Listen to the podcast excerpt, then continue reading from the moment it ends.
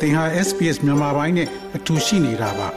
sbs.com.au/burmese မှာပုံမထူးခဲ့တဲ့သတင်းစာမားတွေကိုရှားဖွေပါ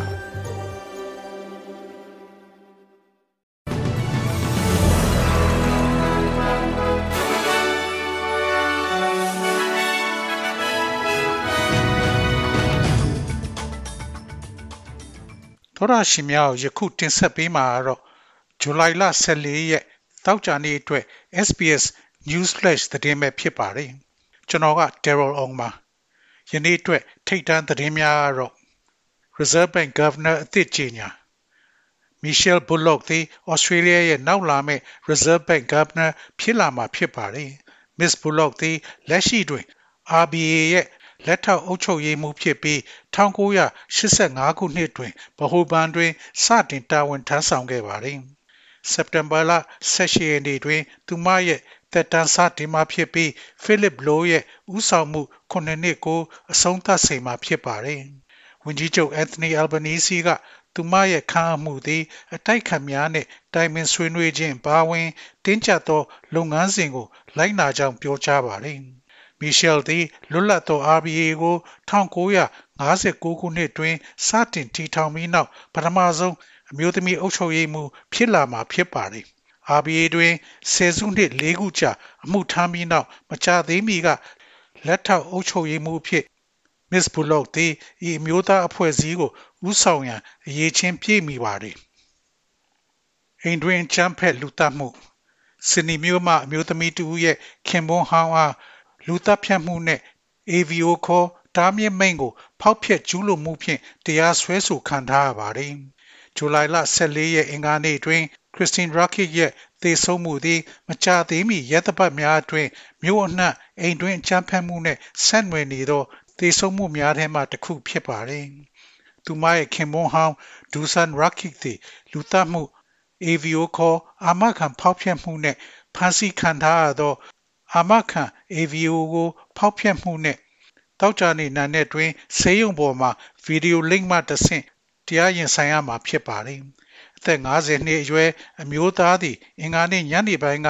Miss Rakit ကိုတပ်ဖြတ်ခဲ့သည်ဟုဆွဆွဲခံရပြီးနောက်၎င်းရဲ့လက်ချောင်းနဲ့လက်များတွင် ပြင်းထန်သောဒဏ်ရာများရရှိပြီးနောက်မိမျောသွားခဲ့ပါတယ်။ ASEAN Australia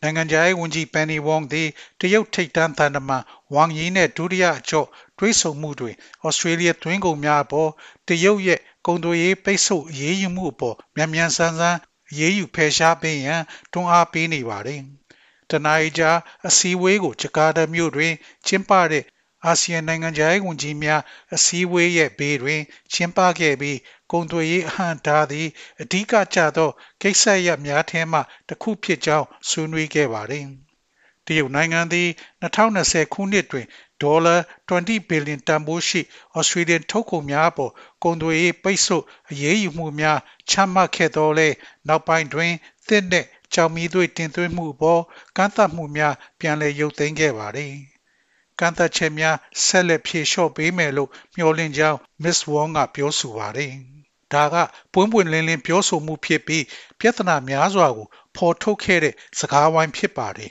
။တေချာတာကတော့ကုံသွယ်မှုတားဆီးတွေနဲ့ ဆက်ဆက်နေပါတယ်။မကြသေးမီကာလများအတွင်းကျွန်ုပ်တို့မြင်တွေ့ခဲ့သော တိုးတက်မှုကို ကျွန်ုပ်တို့သိမှတ်ပြုပြီးဤတိုးတက်မှုသည်ဆက်လက်တည်ရှိနေကြောင်းကျွန်ုပ်တို့ရဲ့မျှော်လင့်ချက်များကိုထပ်လောင်းပြောကြားခဲ့ပါတယ်။ကုန်သွယ်ရေးဆိုင်ရာအတားအဆီးများကိုဖယ်ရှားရန်အတွက်နှစ်နိုင်ငံစလုံးရဲ့အကျိုးစီးပွားဖြစ်တယ်လို့ကျွန်ုပ်တို့ယုံကြည်ပါတယ်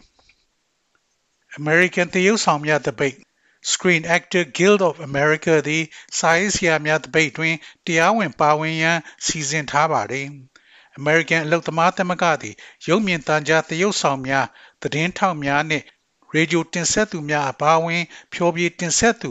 36000ကျော်ကိုကိုစားပြုပြီးရွေးကောက်ခံလိုင်းတွင် ပါဝင်ရန်မျှော်လင့်နေပါတယ်။တရုတ်ဆောင်များသည် streaming ဝန်ဆောင်မှုများမှ ပိုမိုကောင်းမွန်သောလစာအခြေအနေများကို တောင်းဆိုမှာဖြစ်ပြီးဉာဏ်ရည်တုပညာသည်တရုတ်ဆောင်များကို အစားထိုးမည်မဟုတ်ကြောင်းကတိပြုရမှာဖြစ်ပါတယ်။1990ခုနှစ်များရဲ့ sitcom မှမင်းသမီး The Nanny TV ရဲ့ Fran Drescher သည်ဖြောပြတင်ဆက်သူများသည့်လောဘကြီးသူများရဲ့သားကောင်အဖြစ်ခံနေရတယ်လို့ပြောဆိုပါတယ်။ Director Christopher Nolan မှ တရုတ်ဆောင်များဖြစ်တဲ့ Cillian Murphy နဲ့ Emily Blunt တို့သည်၎င်းတို့ရဲ့ရုပ်ရှင် Ophelia ရဲ့အဦးစားမှထွက်ခွာသွားပြီဖြစ်ကြောင်းအတည်ပြုပြောဆိုလိုက်ပါတယ်။